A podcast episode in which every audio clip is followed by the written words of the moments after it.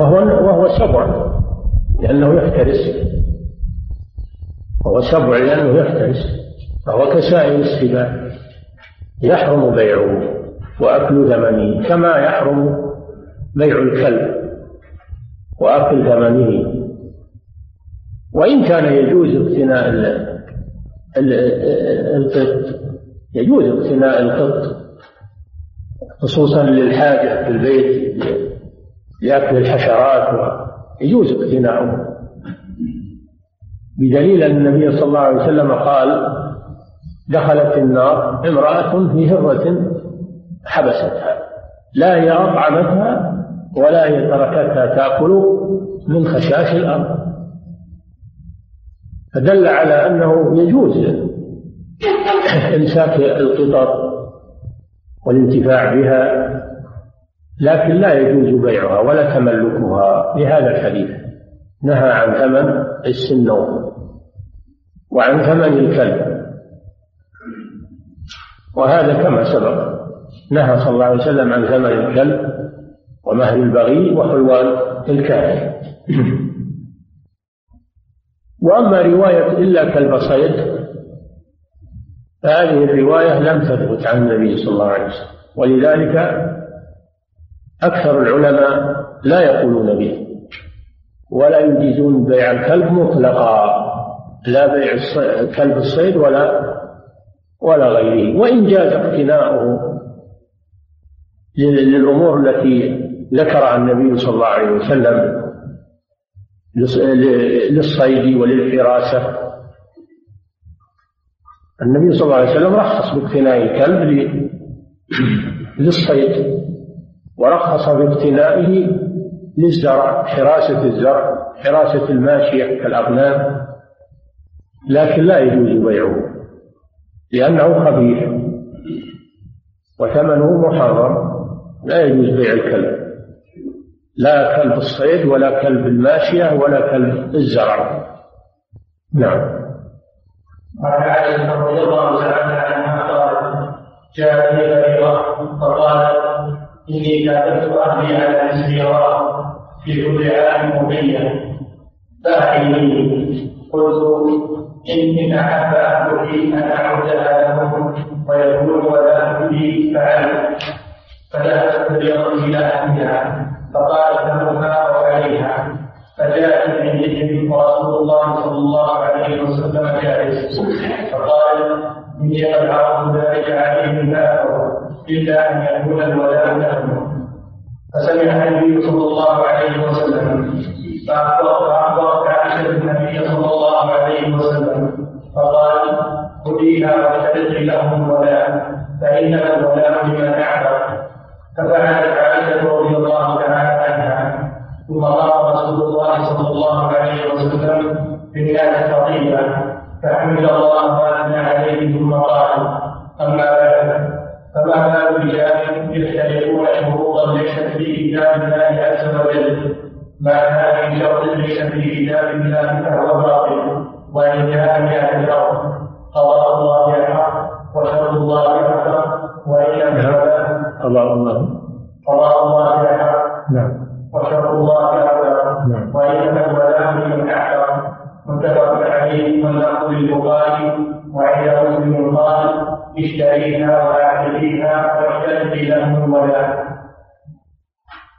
وهذا الحديث عن عائشة رضي الله عنها أن بريرة وهي أمة مملوكة اسمها بريرة كاتبها أهلها. يعني باعوا باعوا نفسها عليها بمال تؤديه لهم ثم تعتق هذه هي الكتابة الكتابة أن يشتري العبد نفسه من سيده بمال يدفعه إليه ثم يعتق وقد قال الله تعالى والذين يبتغون الكتاب مما ملكت أيمانكم فكاتبوهم إن علمتم فيهم خيرا وآتوهم من مال الله الذي آتاكم. الكتابة جائزة بين العبد وسيده. سميت كتابة من الكتب والإيجاب لأن لأن العقد يوجب. يوجب مضمونه. والكتابة تكون على أقساط لأنه لا يستطيع العبد لا يستطيع دفعها جملة واحدة فتكون نجوما وأقساطا يؤديها شيئا فشيئا إلى أن يعتق في آخر شيء منها يعتق وما دام قد بقي عليه شيء فإنه لا يزال مملوكا. لقوله صلى الله عليه وسلم المكاتب قن أو عبد ما بقي عليه درهم. هذه هي الكتابة وهي جائزة بالكتاب والسنة وإجماع أهل العلم. بل مرغب فيها لأن الله أمر بها في قوله والذين يبتغون الكتاب مما ملكت أيمانكم فكاتبوهم إن علمتم فيهم خيرا. وهذه بريرة فعلت ذلك مع أسيادها. لكنها جاءت إلى عائشة فأخبرتها أخبرتها أنها كاتبتهم على أربعين أوقية. أربعين أوقية من الذهب. والأوقية الواحدة أربعون درهما عرضت هذا الأمر على عائشة. فقالت عائشة إن شاءوا أن أعدها لهم أي أنقدها لهم جميعا ويكون ولاؤك لي. الولاء هو عصوبة عصوبة سببها نعمة المعتق على رقيقه بالعتق فإذا أعتق السيد عبده صار له عليه الولاء. صار له عليه الولاء بحيث لو مات العبد وليس له وارث من أقاربه ورثه المعتق. فالمعتق من جملة العصر. وهذا شكر من الله جل وعلا لهذا المعتق الذي من على رقيقه بالعتق جعل له الولاء عليه شكرا على صنيعه فهو حق للمعتق الولاء للمعتق والإرث بالولاء مجمع عليه عند المسلمين. فعائشة رضي الله عنها عرضت أن تسلم هذه الدراهم جميعا وأن تكون هي المعتقة ويكون الولاء لها كما هو القاعدة في الشرع أن الولاء لمن أعتق فذهبت الجارية إلى أهلها يعني إلى أسيادها وذكرت لهم ما قالته عائشة. فقالوا لا إلا أن يكون الولاء لنا. يكون الولاء لنا. تكون المعتقة عائشة ويكون الولاء للذين باعوها عليها. هذا تغيير لحكم الله سبحانه وتعالى. هذا تغيير لحكم الله. المواريث لا يجوز التصرف فيها عن عن وضعها الشرعي. والولاء لحمة كلحمة النسب لا يباع ولا يوهب. لأنه لمن أعتق ولا يذهب إلى غيره فهم أرادوا أن يشترطوا شرطا مخالفا لكتاب الله وهو أن يكون الولاء لغير المعتق هذا مخالف لكتاب الله. فقال صلى الله عليه وسلم اشتريها واشترطي لهم الولاء. هذا من باب الردع قوله اشترطي لهم الولاء من باب الردع وهو الزجر. ثم بين صلى الله عليه وسلم البيان الواضح للناس خطب صلى الله عليه وسلم حمد الله وأثنى عليه ثم قال أما بعد فما بال أقوام يشترطون شروطا ليست في كتاب الله؟ هذا إنكار منه صلى الله عليه وسلم على اشتراط الشروط المخالفة لكتاب الله يعني لحكم الله. ولا يختص هذا بالقرآن. كتاب الله إذا أطلق يشمل حكم الله في القرآن وفي السنة حكم الله جل وعلا. يشترطون شروطا ليست في كتاب الله. كل شرط ليس في كتاب الله فهو باطل. أي كل شرط يخالف حكم الله سبحانه وتعالى فهو شرط باطل. وإن كان مئة شرط وإن كان مئة شرط هذا من باب التأكيد. لا من باب أنه لو زاد على المئة يصح لكن هذا من باب التأكيد. أنه غير صحيح مهما بلغت الشروط فإنها باطلة. وإن كان مئة شرط قضاء الله أي حكم الله جل وعلا أحق. وعهده أوثق. وإنما الولاء لمن أعتق. هذا حكم الله سبحانه وتعالى أن الولاء للمعتق ولا يجوز أن يصرف لغيره أو أن يشترطه أحد غير المعتق. هذا لا يجوز لأنه تغيير لحكم الله سبحانه وتعالى. فهذا الحديث فيه فوائد عظيمة. أولا فيه مشروعية الكتابة بين العبد وسيده. بما يتفقان عليه من المال سواء كان حالا أو منجما. وهو وهو المقسط على نجوم يسمى بالأقساط ثانيا الحديث دليل على بيع التأجيل هذا من أدلة جواز بيع التأجيل في الإسلام. أنه يجوز أن يباع الشيء إلى ثمن يباع الشيء بثمن مؤجل بأجل معلوم. ولو كان ثمنه المؤجل أكثر من ثمنه الحال لأن الناس لا يبيعون مؤجلا إلا بزيادة. فدل على جواز بيع التأجيل وأن يكون ولو كان بأكثر من البيع الحال. وهذا مذهب جماهير أهل العلم. أولا لقوله تعالى وأحل الله البيع وحرم الربا. الأصل في البيع الحل مؤجلا أو حالا. ولقوله ولقوله تعالى يا أيها الذين آمنوا إذا تداينتم بدين إلى أجل فاكتبوا. هذا فيه يدخل في بيع التأجيل. الثمن المؤجل يدخل في الدين يدخل في الدين. إذا تداينتم بدين عام يدخل فيه ثمن المبيع المؤجل. فلا غبار على البيع بالتأجيل وإن كان أكثر من ثمن الحال. وهذا من مصالح المسلمين. لكن ظهر في الآونة الأخيرة متطفلة على العلم يحرمون بيع بيع التأجيل بدون علم إلا ما هو من عند أنفسهم. نسأل الله العافية. ثالثا في الحديث دليل على أن الولاء للمعتق. لا يجوز تغييره عن ذلك. وهذا حكم الله سبحانه وتعالى. لا يجوز التصرف فيه وتحويله عن صاحبه. رابعا في الحديث دليل على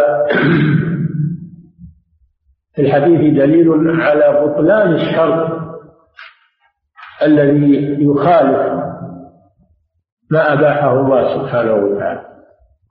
وهذا الذي ساق المصنف الحديث من أجله لأن الباب باب بيع ما نهي عنه ما نهي عنه من البيوع ومن ذلك هذا الشرط وأمثاله هذا نهي عنه. الشرط إذا كان يغير حكما من أحكام الله فإنه باطل. ففيه ففيه بطلان الشرط المخالف لكتاب الله سبحانه وتعالى. أيا كان هذا الشرط. ولهذا يقول صلى الله عليه وسلم المسلمون على شروطهم. إلا شرطا أحل حراما أو حرم حلالا.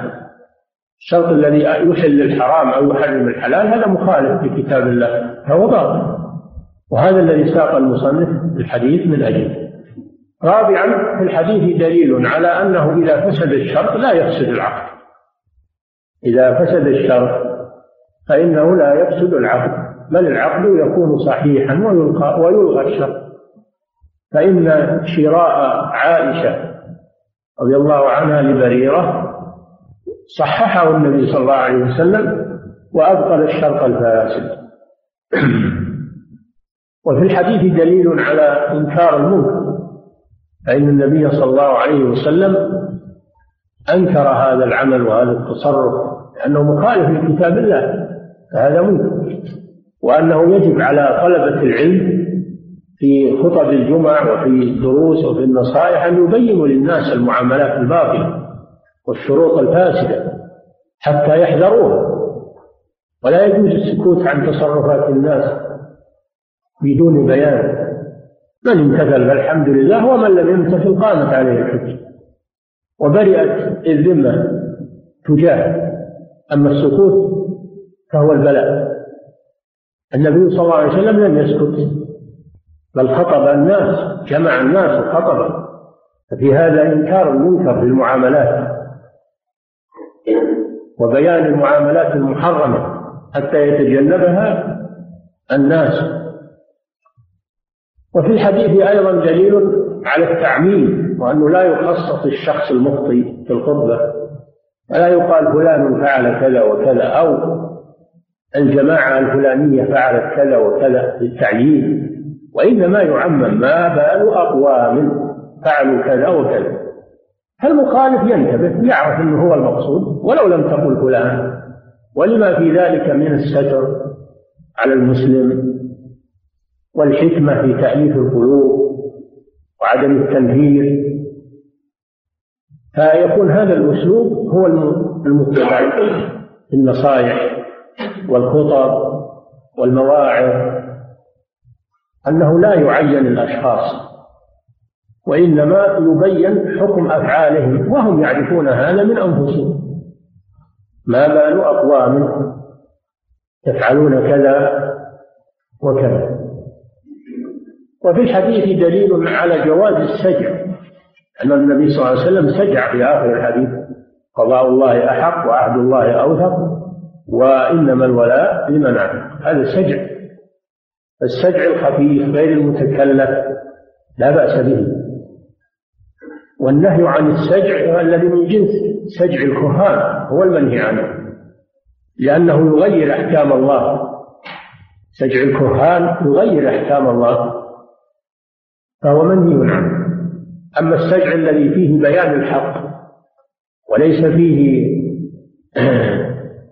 تزوير أو دعوة إلى باطل فإنه جائز كما في هذا الحديث. فالسجع ليس ممنوعا مطلقا ولا جائزا مطلقا وإنما لا بد من هذا التفصيل. نعم. قال ابن عمر رضي الله تعالى عنهما قال نهى الله عن بيع امهات الاولاد فقال لا تباع ولا تباع ولا تباع. ليستمتع بها ما ذلك فإذا امنت فليحفظها رواه البيهقي ومالك وقال رفعه بعض الرواة ووهمه وعن جابر رضي الله تعالى عنه قال كنا نبيع سراويل امهات الاولاد سراويل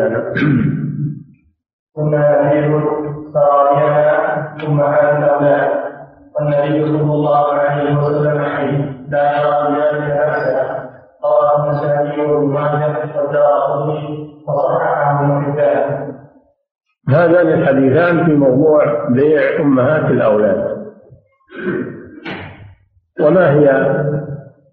أمهات الأولاد جمع أم ولد وأم الولد هي المملوكة التي حملت من سيدها.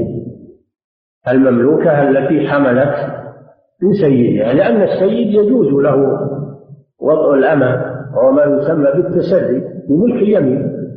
وملك اليمين أقوى من عقد النكاح. ملك اليمين أقوى من عقد النكاح. فيجوز للسيد المالك أن يستمتع بمملوكته وأن يطأها الله جل وعلا يقول أو ما ملكت أيمان والذين هم لفروجهم حافظون إلا على أزواجهم أو ما ملكت أيمانهم. فملك اليمين يباح لأن لأن السيد يملك منافعها كلها ومنها الاستمتاع والوقت هذا من أعظم منافعها فيباح الوقت بملك اليمين. وهذا أقوى من الوقت بالعقد بعقد النكاح. ولا يحتاج ما يحتاج السيد إلى أنه يعقد له على ملك يمينه يكفي عقد الشراء يكفي هذا. أو عقد التملك يكفي. النبي صلى الله عليه وسلم تسرى وطئ الجارية التي وهبت له وهي ماريا القبطية وولدت منه إبراهيم. التسري بالإماء جائز في الإسلام. لكن إذا حملت من سيدها فحينئذ يحرم بيعها لأنها أصبحت أم ولد. إذا وضعت ما تبين فيه خلق الإنسان حيا أو ميتا. حينئذ يمتنع على سيدها أن يبيعها. وتبقى في خدمته تبقى في خدمته وفي ملكه إلى أن يموت. فإذا مات عتقت إذا مات عتق فهذا وهذا الحديث فيه دليل حديث عمر. عمر نهى عن بيع أمهات الأولاد. نهى عن بيع أمهات الأولاد في خلافته وهو الخليفة الراشد. وقد قال صلى الله عليه وسلم عليكم بسنتي وسنة الخلفاء الراشدين. وكان هذا لمحضر من الصحابة المهاجرين والأنصار ولم ينكر. لم ينكر هذا النهي من عمر.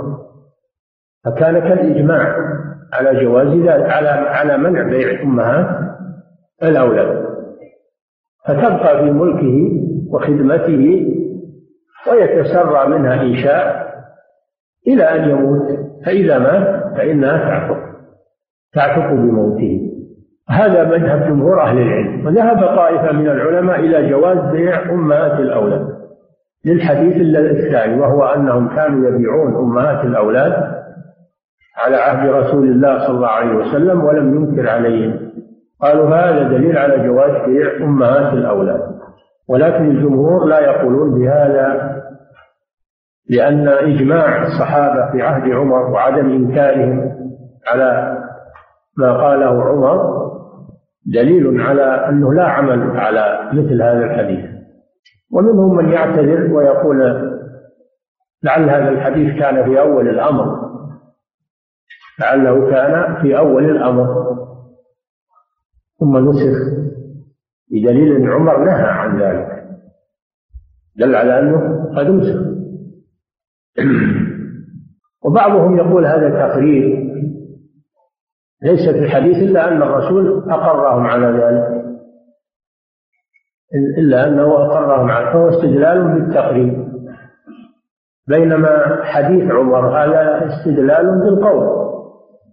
استدلال بالقول والقول مقدم على على التقرير وعلى كل حال الجمهور على منع بيع أمهات الأولاد.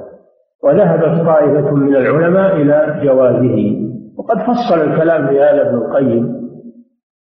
فصل الكلام في هذا في إعلام الموقعين. ويغلب على ظني أنه يختار الرأي الثاني وهو بيع أمهات الأولاد. الله أعلم. نعم. وعن جابر بن عبد الله رضي الله تعالى عنه قال نهى رسول الله صلى الله عليه وسلم عن بيع الماء رواه مسلم. وزاد في رواية وعن بيع الله الجنة. من البيوع المنهي عنها بيع فضل الماء فضل الماء وهو ما زاد عن حاجة الإنسان. ما زاد من الماء عن حاجة الإنسان. فإنه لا يجوز له بيعه لأن الناس شركاء في ثلاث في الماء والكلى والنار. الشركاء في هذه الأمور. فيأخذ حاجته وما زاد عن ذلك فإنه يتركه للناس ولا يبيعه وهذا في الماء الذي ليس في حوزته. الماء الذي ليس في حوزته. وإنما هو ماء في البئر. أو مجمع سيول اجتمع في حفرة أو في مكان منخفض فالسابق إليه يأخذ حاجته ويدع البقية ولا يبيعها على الناس يقول أنا سبقت إليها. مالك إلا ما أخذ فقط. والباقي للناس. ينتفعون به. لأن هذا من المرافق العامة لا يجوز الاستبداد بها عن الناس. فإذا كان الماء في فلات فهذا لا يجوز بيعه بالإجماع. يجي إنسان يسيطر على الغدير أو على مجمع الماء ويمنع الناس منه هذا ما يجوز. لكن يأخذ حاجته وما زاد يتركه للناس المحتاجين. وكذلك إذا كان الماء في ملكه. إذا كان الماء في ملكه. في أرضه. أو في مزرعته. عنده بير فيها ماء كثير. يروي يروي دوابه ومواشيه ويروي زرعه. فإنه يأكل حاجته ويترك الباقي للناس. ولا يملك نفعا به. ولا مجمع السيول الذي تجمع في ملكه. ما يملك لكن يكون أولى بالانتفاع به في قدر حاجته. أما إذا كان الماء في حيازته بأن جمعه في بركته أو جمعه في القربة التي معه أو في الإناء أو في التانك والسيارة إذا حازه صار ملكا. يجوز له بيعه. بدليل أن النبي صلى الله عليه وسلم قال لأن يأخذ أحدكم أحبله يحتطب ويبيع خير له من أن يسأل الناس. الحطب أيضا من المباحات لكن إذا حطبه الإنسان وجمعه ملكه وجاز له بيعه فكذلك الماء. الماء إذا تعب الإنسان في تحصيله وجمعه في وعائه أو في المكان الخاص به صار ملكا له. إنما الكلام في الماء الذي لم يجمعه الإنسان وإنما خلقه الله في البيض أو خلقه في أو خلقه جمعه في هذا هذه الحفرة أو هذا الغدير ولو كان في ملك. مالك ما تملك منه إلا قدر حاجة فقط. لأن هذا يدخل في نهيه صلى الله عليه وسلم عن بيع فضل الماء. وكذلك إذا كان الماء يمر به يمر في ملك نهر أو شعير من السيول يمر في ملكك ويطلع للآخرين ليس لك أن تحبسه بل تأخذ منه قدر حاجتك فقط. تترك الباقي يروح للناس ينتفعون ولا تبيعه على الناس لا تبيعه على الناس تأخذ قدر حاجتك وما يروي مزرعتك وملكك. وتحبس الماء إلى كما قال النبي صلى الله عليه وسلم إلى الجدر يعني قدر الكعب تحبسه في المزرعة وما زال تتركه يذهب إلى جيرانه. لأن لأن الزبير رضي الله عنه تخاصم هو ورجل من الأنصار في شراج من شراج الحرة. الأنصاري يريد أن الزبير يترك الماء ولا يأكل منه شيئا. والزبير يريد أن يسقي زرع لأنه هو هو الأعلى. اختصم إلى النبي صلى الله عليه وسلم. فقال النبي صلى الله عليه وسلم أسقي يا زبير واحبس الماء إلى الجدر ثم أرسل الماء إلى جارك هكذا حكم صلى الله عليه وسلم. حكم للزبير بأن يأخذ حاجته وأن يترك بقية الزائد عن الحاجة يذهب إلى جارك ولا يجوز له بيعه أو حبسه عنه. الحاصل أن الماء إذا كان في فلات فهذا للمسلمين عموما بل وللكفار كل من يحتاج إليه وللدواب والحيوانات يجوز الواحد يسيطر عليه. لكن من سبق إليه يأخذ قدر حاجته فقط. وكذلك إذا كان الماء في ملكه وليس هو من عمله وإنما هو مما خلقه الله سبحانه وتعالى في قرار الأرض. أو في مجمع السيول ليس لك فيه أي مجهود. فهذا أيضا يأخذ الإنسان منه حاجته ويترك الباقي للمحتاجين بدون بيع.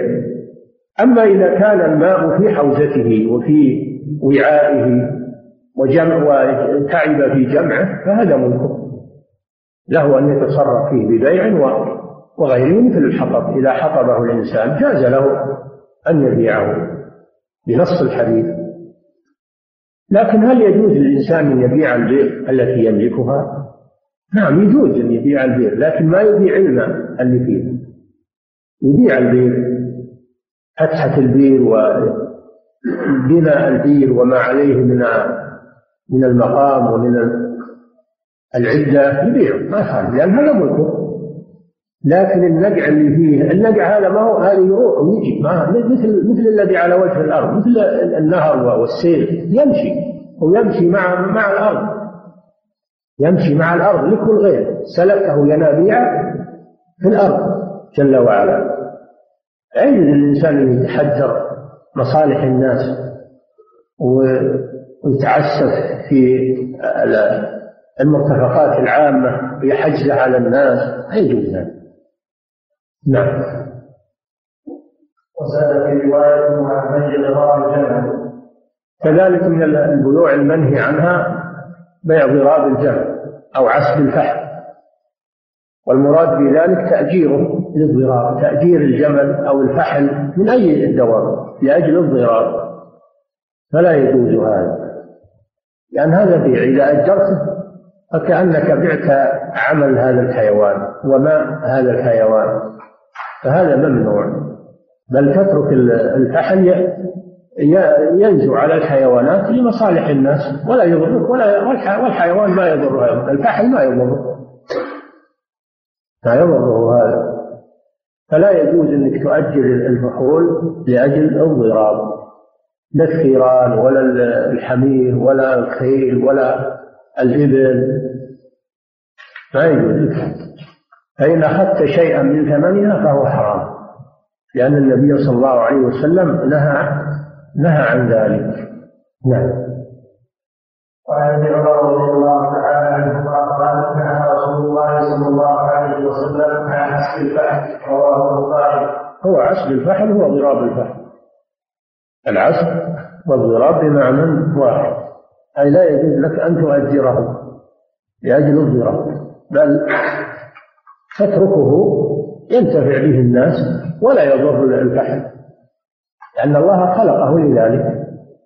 وأيضا يعني بيع العسل وبيع الضراب فيه دناء وفيه عدم مروءة وقطع للمعروف بين الناس. وهذا لا يجوز بين المسلمين. وإذا كان لا يجوز تأجيره للضراب فبيع مائه من باب أولى لو أخذ ماءه. واحفظه بشيء وباعه للتلقيح ما يجوز لا يجوز بيع ماء الفحل إذا استخرج منه مثل ما يعمل الآن في حفظ المياه الذكور. حفظها في بنوك يسمونها بنوك المني. مثل بنوك الدم يحفظون بها المني والحيوانات وبعد ذلك يلقحون بها البهائم. هذا يجوز؟ ما في مانع. يعني تخزينه والانتفاع به وحفظه ما في مانع. لكن ما يجوز بيعه. بيعه لا يجوز. لأنه شيء مهين ممتهن. لا يجوز للمسلم أن يبيع هذا الشيء المستقذر ويأكل ويأكل ثمنه. نعم.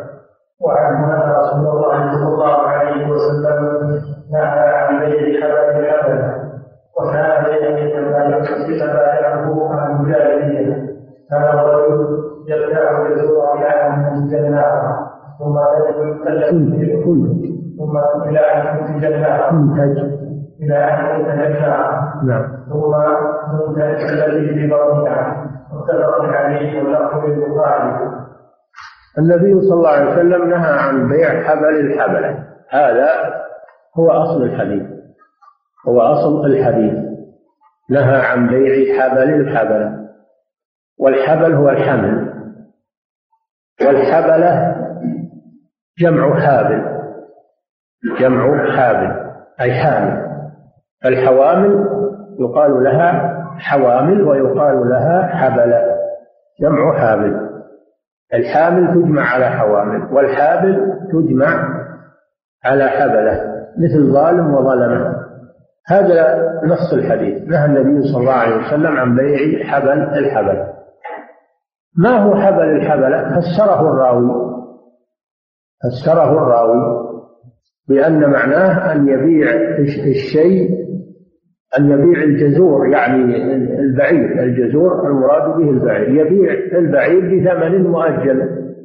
متى يحل الأجل؟ إذا ولدت الناقة. وولد ولدها ولدت الناقة وولد ولدها من بعدها. يحل حينئذ الأجل. فهذا محرم لأنه أجل مجهول. ويشترط في الآجال أن تكون معلومة قطعا للنزاع. هذا تفسير الراوي. والتفسير الثاني أن المراد ببيع حبل الحبلة بيع الحمل في البطن. بيع الحمل في البطن. فلا يجوز أن تبيع حمل البهيمة وهو في بطنها لأن هذا مجهول. ما دام في البطن فهو مجهول لا تعرف حقيقته. وفيه غرض وجهالة وأكل للمال بالباطل والبيع يشترط أن يكون المبيع معلوما وهذا ما هو معلوم هذا مجهول.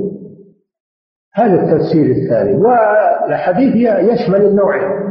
يشمل التفسير الأول ويشمل التفسير الثاني. فلا يجوز أن يؤجل ثمن المبيع إلى أن تحمل الناقة ثم تضع ثم يحمل ولدها ثم يضع. هذا مجهول. وكذلك لا يجوز بيع الحمل الذي في البطن لأنه مجهول. كأن تقول أبيعك ما في بطن هذه الناقة. وهي حامل بالفعل لكن ما يجوز أن تبيع ما دام في البطن لأنه مجهول. ولا يدرى وش مصيره ولا مآله ربما يموت ربما يطلع معيش ربما. ف والمعاملات يجب أن تكون على الوضوح وعدم الغرر وعدم الجهالة. نعم. وعن وعن رسول الله صلى الله عليه وسلم نهى عن بيت الولاء متفق عليه هذا سبق في حديث عائشة الولاء الولاء المراد به النصرة. الولاء المراد به النصرة والمحبة والتأييد. هذا الولاء من حيث العموم وهو ينقسم إلى إلى قسمين. ولا موالاة وولا عتاق. ولا الموالاة هذا كان موجودا في الجاهلية. كان يتحالف يتحالف الشخص أو الأفراد مع قبائل يتحالفون على النصرة فيما بينهم فيكون هذا الحليف يكون جزءا من هذه القبيلة. وحتى إذا مات يرثونه وإذا مات حليفه يرث كانوا يتوارثون بالحلف في الجاهلية فأبطل الله ذلك بالمواريث الشرعية. أبطل ذلك. قال وأولو الأرحام بعضهم أولى ببعض في كتاب الله. فجعل المواريث للقرابة. للقرابة وأصحاب الأسباب. الأسباب الشرعية.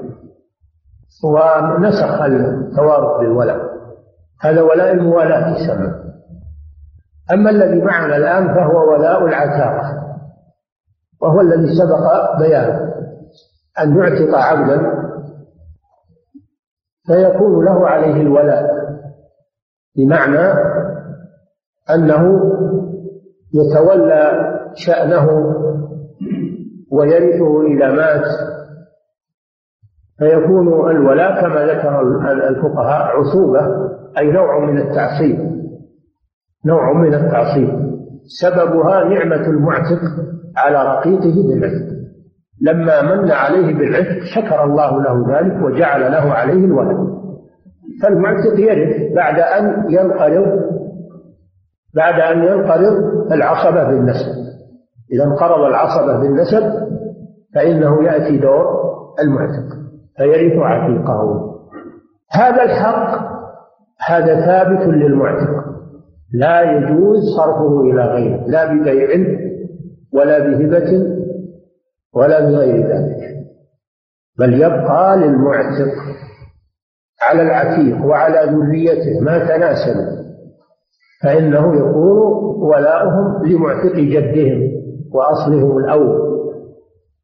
هذا حكم هذا حكم الولاء حق ثابت للمعتق. لا يجوز بيعه ولا شرطه لأحد كما سبق في حديث بريرة شرطه لأحد غير المعتق لا يجوز. وهو باطل كما قال صلى الله عليه وسلم. ولا هبته لأحد. نعم. كما أنه لا يجوز بيع النسب ولا تجوز هبة النسب كذلك لا يجوز بيع الولاء ولا هبة الولاء. نعم. وعن ابي هريره رضي الله تعالى عنه قال نهى رسول الله صلى الله عليه وسلم عن بيع المصاحف وعن بيع الضرر رواه مسلم. يكفي نقف على هذا. قال الشيخ وفقه الله متى تكون الخلوة المرأة الأجنبية حراما؟ قال هذه الصور التي بقرآن الخلوة أو بدعتها. الصورة الأولى خل هذا خل هذا الخلوة بالمرأة الأجنبية معناها أن يكون في مكان ليس فيه غيره وغيرها كالبيت والبر البرية والسيارة وغير ذلك. هذه هي الخلوة أن يكون في مكان مع امرأة لا تحل له ليس معهما غيرهما لأن هذا سبب للوقوع في الفاحشة ويسلط الشيطان عليهما نعم هذه هي الخلوة المحرمة نعم نعم الله صور الإجابة الصورة الأولى رجل مع زوجته والله قال في مناهج لا ما هي خلوة إذا صار فيه امرأة ثانية فأكثر أو رجال فصارت خلوة الخلوة. أن يكون هو وإياه في المكان الخالي ليس معهما أحد. تكون مع الطبيب في غرفته تكون مع المدير في مكتبه تكون مع السائق في سيارته التي ليس من محارمها. هذه تكون في البيت بيت ليس فيه إلا هو والمرأة. هذه الخلوة المحرم. أما إذا كان في البيت أكثر من اثنين معهم ثالث فأكثر رجلا كان أو امرأة أنها تزول الخلوة في ذلك. نعم. الصورة الثانية رجل مع امرأة بيتة محارمه في سيارة. نعم.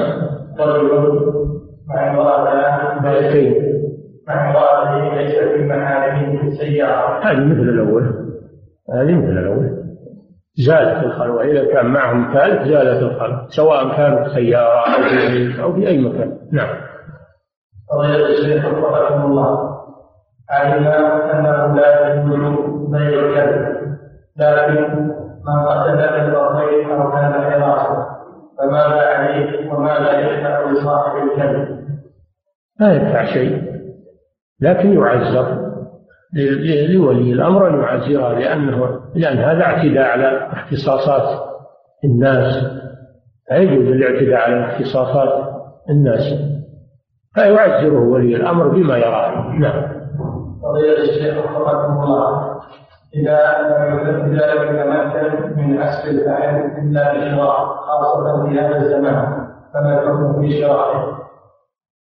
إذا اضطر إلى ذلك يكون الإثم على الطرف البائع إذا اضطر ولم يجد وسيلة إلا الشراء يشري ويكون الإثم على الذي باع. وهذا مضطر. نعم. الشيخ وفقه الله هل الغنم تدخل ضمن النهي عن؟ نعم. نهى عن حسب عسب الفحل ضراب الفحل. هذا عام.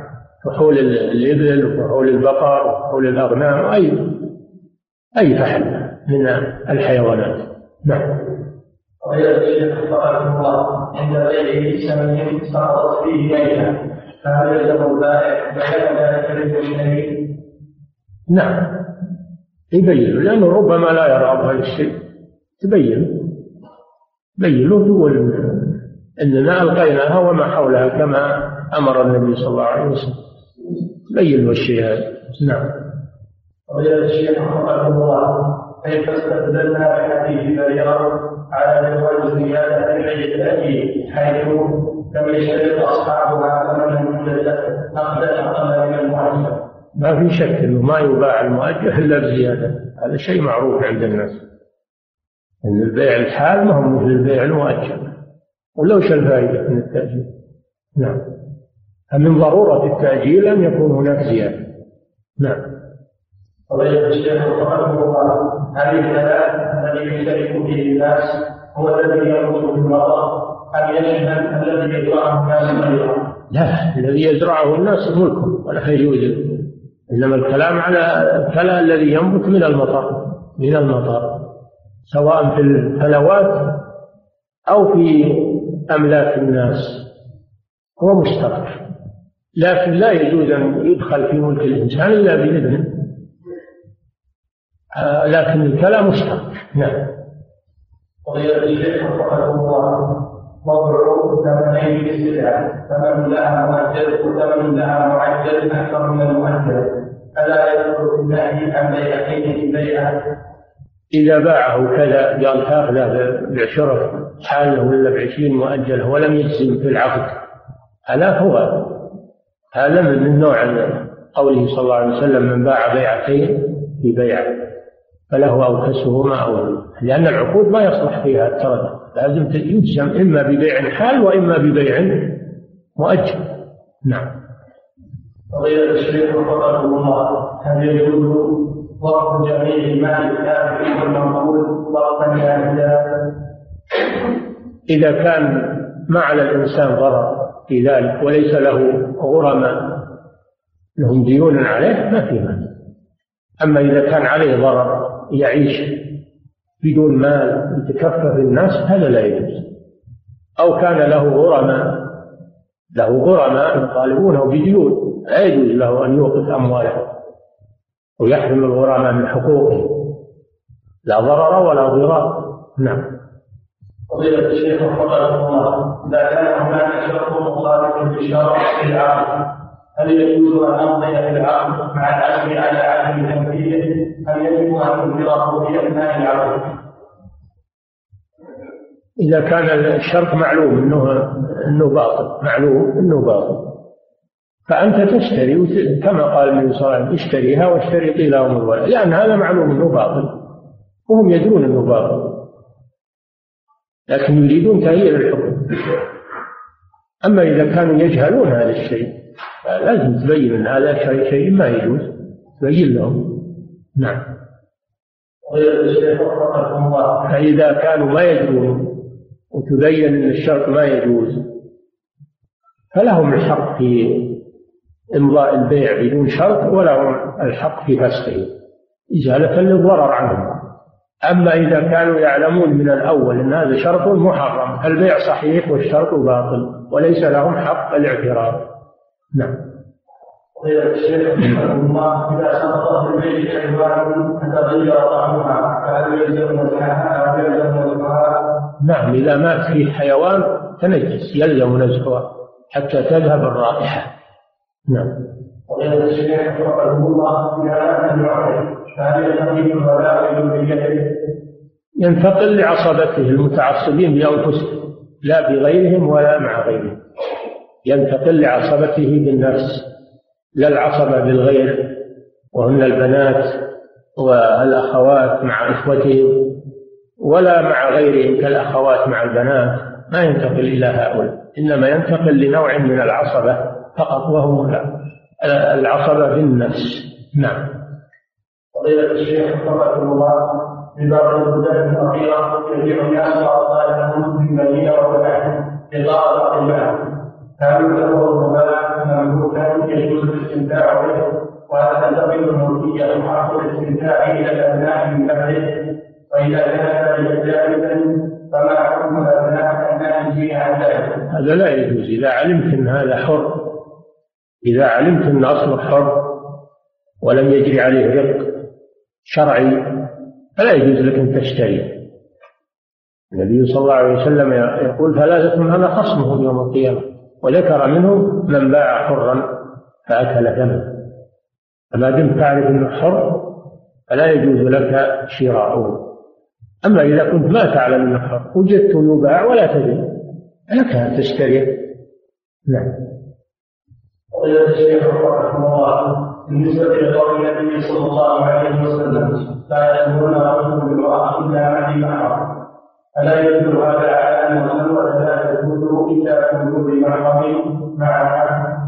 محرم أو غيره. من؟ تزول الخلوة حتى بالأجنبي. تزول الخلوة حتى بالأجنبي. والمرأة الثالثة تزول الخلوة. لكن إذا كان معها محرم فهو أولى. نعم. المحرم إنما يشترط في السفر. يشترط في السفر. وأما في الحضر فتزول الخلوة ولو مع غير المحرم نعم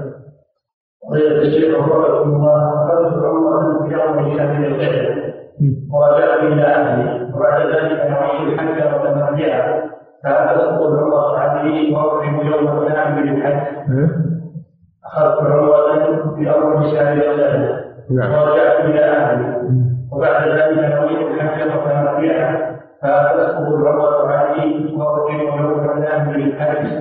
نعم تصبح مفرد. تصبح مفرد. العمرة الأولى انقطعت بالسفر. انقطع التمتع بالسفر. فإذا عدت إلى مكة وأحرمت بالحج تكون مفردا. نعم. ويا الشيخ رحمه الله فأعطيه البعيد الأربعة عند والده ملك المملكة مع زوجته. فهل تكليف فئة واحدة؟ عنها وعنهم أم ضرب عنه وهم ضربون أيضا؟ الأضحية تبع النفقة. الذي ينفق هو الذي يضحي. فإذا كنت تنفق على نفسك وعلى أولادك فإنك تضحي عنه. ولو كنت ضيفا عند أحد. ووالدك إنما يضحي عن عن عنه وعن أهل بيته الذين ينفق عليهم ولا يدخل فيهم الضيف. لا يدخل فيهم الضيف. نعم. الشيخ رحمه الله. وهذه كبيرة في السن وتصبح في الصلاة ولا تحسن عدد الركعات فهل تدل عليها في إحسان الصلاة أو يدل عليها؟ أم أمرها بالرزق لأنها لا تقبل توجيهها؟ إذا كانت عاقلة مدركة يلزمك أن تبين لها وتؤكد عليها تنكر عليها خوفها بالله. أما إذا كانت ما هي بعاقلة ولا مدركة فأنت لا تكلفها ما لا تطيق. تأمرها بالصلاة وتصلي على حسب حالها واستطاعتها. قوله تعالى فاتقوا الله ما استطعتم. نعم. وإذا الشيخ رحمه الله عمل ببيع عروضه لمن ويطلب من النبي خلق خلق الأرض الذي عندي ببعض الحدود فهل يجوز بذلك؟ لا يجوز بذلك لأن الكحول نجسة وحرام خمر مسكرة. فلا يجوز بيعها لا وحدها ولا مع غيرها. ولا يجوز إنك تطيع هذا الذي يأمر بالمنكر. وقول يجب إتلافها لأنها خمر ولا يجوز بيعها ولا خلطها مع غيرها. نعم. فضيلة الشيخ رحمه الله هل آية الجهاد التي وردت في القرآن تنطبق على دعوة في سبيل الله في هذا الزمن الحاضر لا الدعوة دعوة والجهاد جهاد والدعوة مقدمة على الجهاد فلا جهاد إلا بعد الدعوة لأن الدعوة لإبلاغ الحق لإبلاغ الحق والجهاد للإلزام للإلزام بالحق بعدما يتبين وتحصل المعاندة فهذا شيء وهذا شيء آخر. نعم. وإلى الشرك رحمه الله. ذكروا رحمه الله أن الشرط الذي يخالف ما أباحه الله لا يجوز شراؤه فما رأي طبيعتكم بامرأة تشترط على زوجها أن لا يتزوج أن لا يتزوج عليها. فهل هذا الشرط جائز؟ نعم لأن عليها ضرر من الزواج. عليها ضرر من الزواج. فإذا شرطت عليها أن لا يتزوج عليها فلها ما شرطت. إذا تزوج فهي في الخيار إن شاءت. تستمر معه وإن شاءت تفسد. يعني